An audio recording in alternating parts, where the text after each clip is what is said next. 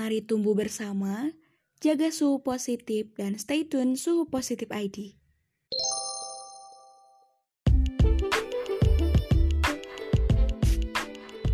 Bismillahirrahmanirrahim. Assalamualaikum warahmatullahi wabarakatuh. Selamat sore teman-teman. Widi yang kemarin sampai chat-chat Nanyain episode baru. Makasih banget loh udah diingetin. Nah sesuai dengan topik yang kemarin Hari ini kita akan ngobrol soal Apa aja sih jenis-jenis rasa yang sebenarnya pernah ada gitu. Kita bisa mengidentifikasi rasa yang kita rasain tuh Apa aja sih sebenarnya gitu ya Yang bisa kita sebutkan gitu ketika kita ditanya perasaan kita apa. Banyak banget ya rasa-rasa yang biasa kita rasakan gitu. Cuman dari sini ada istilahnya 5 emosi dasar. Seperti halnya warna 5 emosi dasar ini tuh bisa dicampur-campur gitu yang mana ketika dicampur-campur yaitu tadi bisa menghasilkan rasa-rasa yang pernah ada apa aja sih 5 emosi dasar ini Nah, lima emosi dasar ini mencakup yang pertama bahagia, sedih, takut, jijik, dan juga marah. Dari lima rasa ini tuh seolah-olah emosi positif cuma satu aja, bahagia aja. Padahal semua Allah ciptakan untuk merespon suatu kejadian yang terjadi. Dan Allah menciptakan rasa ini tuh untuk dipergilirkan, bukan untuk dipilih. Kita bahas satu-satu. Yang pertama itu ada bahagia. Bahagia ini merupakan batas ambang rasa yang kita tuh nggak mungkin dapat rasa yang lebih daripada bahagia. Dan biasanya bahagia ini tuh cuma sekejap. Misalnya kita tuh kemarin ya kita daftar kuliah, kita nunggu-nunggu hasilnya dan masya Allah alhamdulillahnya kita diterima gitu. Itu uh senengnya bukan main.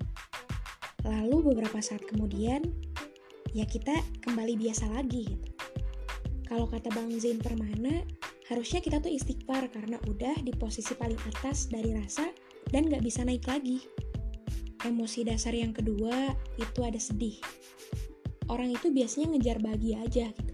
Sedih ini tuh biasanya selalu kita hindari. Padahal mah jangan gitu gitu. Seperti tadi bahwa sedih ini pun bagian dari rasa yang merupakan respon dari suatu kejadian. Yang mana kejadian ini tuh kita punya harapan terhadap sesuatu ataupun terhadap sesuatu hal, tapi kenyataannya tidak seperti itu gitu.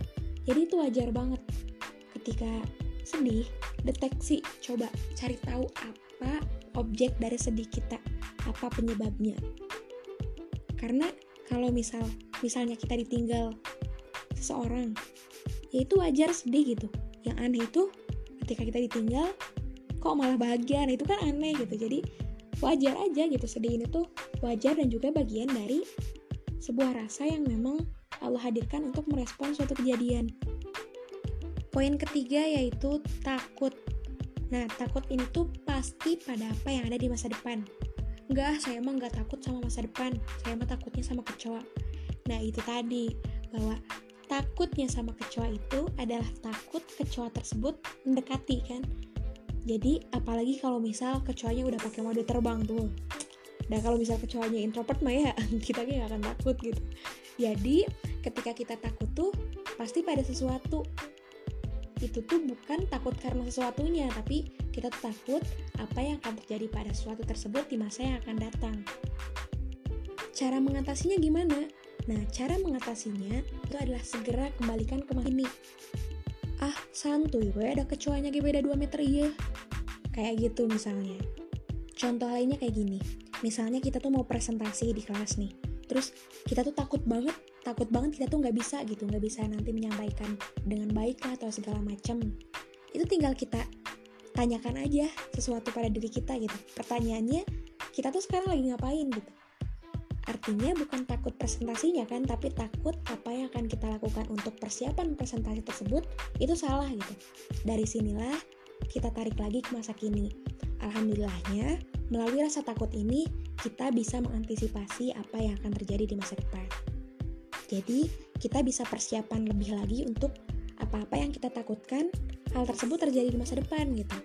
Jadi rasa takut kita pun akan berkurang ataupun bahkan nggak ada gitu nggak ada yang namanya rasa takut ketika kita bisa lebih prepare terhadap apa yang kita takutkan poin keempat ini jijik.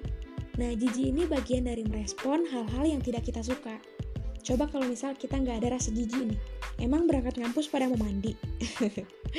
Hanya saja kita harus hati-hati nih sama rasa jijik, di mana kita ketika kita terlalu sering bergaul dengan hal-hal yang sebelumnya menurut kita tuh jijik, pada akhirnya kita akan kebal terhadap hal tersebut. Rasa toleransi kita terhadap hal tersebut pun akan berkurang gitu. Bersyukur kita dikasih rasa jijik. Jika mandi artinya kita jijik pada tubuh kita yang kotor, maka taubat adalah jijik pada perilaku kita di masa lalu dan tidak mau kita ulangi lagi. Sama-sama jijik tapi levelnya beda ya. Poin kelima ada marah. Marah ini artinya kita sedang konsen ataupun sedang fokus perhatiannya pada ketidakadilan. Allah hadirkan rasa marah ini untuk kita belajar adil khususnya ke orang lain. Hanya saja marahnya ini jangan sampai diekspresikan terlalu merusak. Nah, dari lima emosi dasar ini, seperti yang tadi disampaikan di awal bahwa Allah menciptakan rasa yang kita rasain ini tuh untuk dipergilirkan gitu, bukan untuk dipilih. Jadi coba deh sekali-kali kita doanya kayak gini. Ya Allah, izinkan aku di setiap rasa yang kau pergilirkan, menjadikan aku mampu menghadirkan dirimu dan selalu dekat dengan Kau.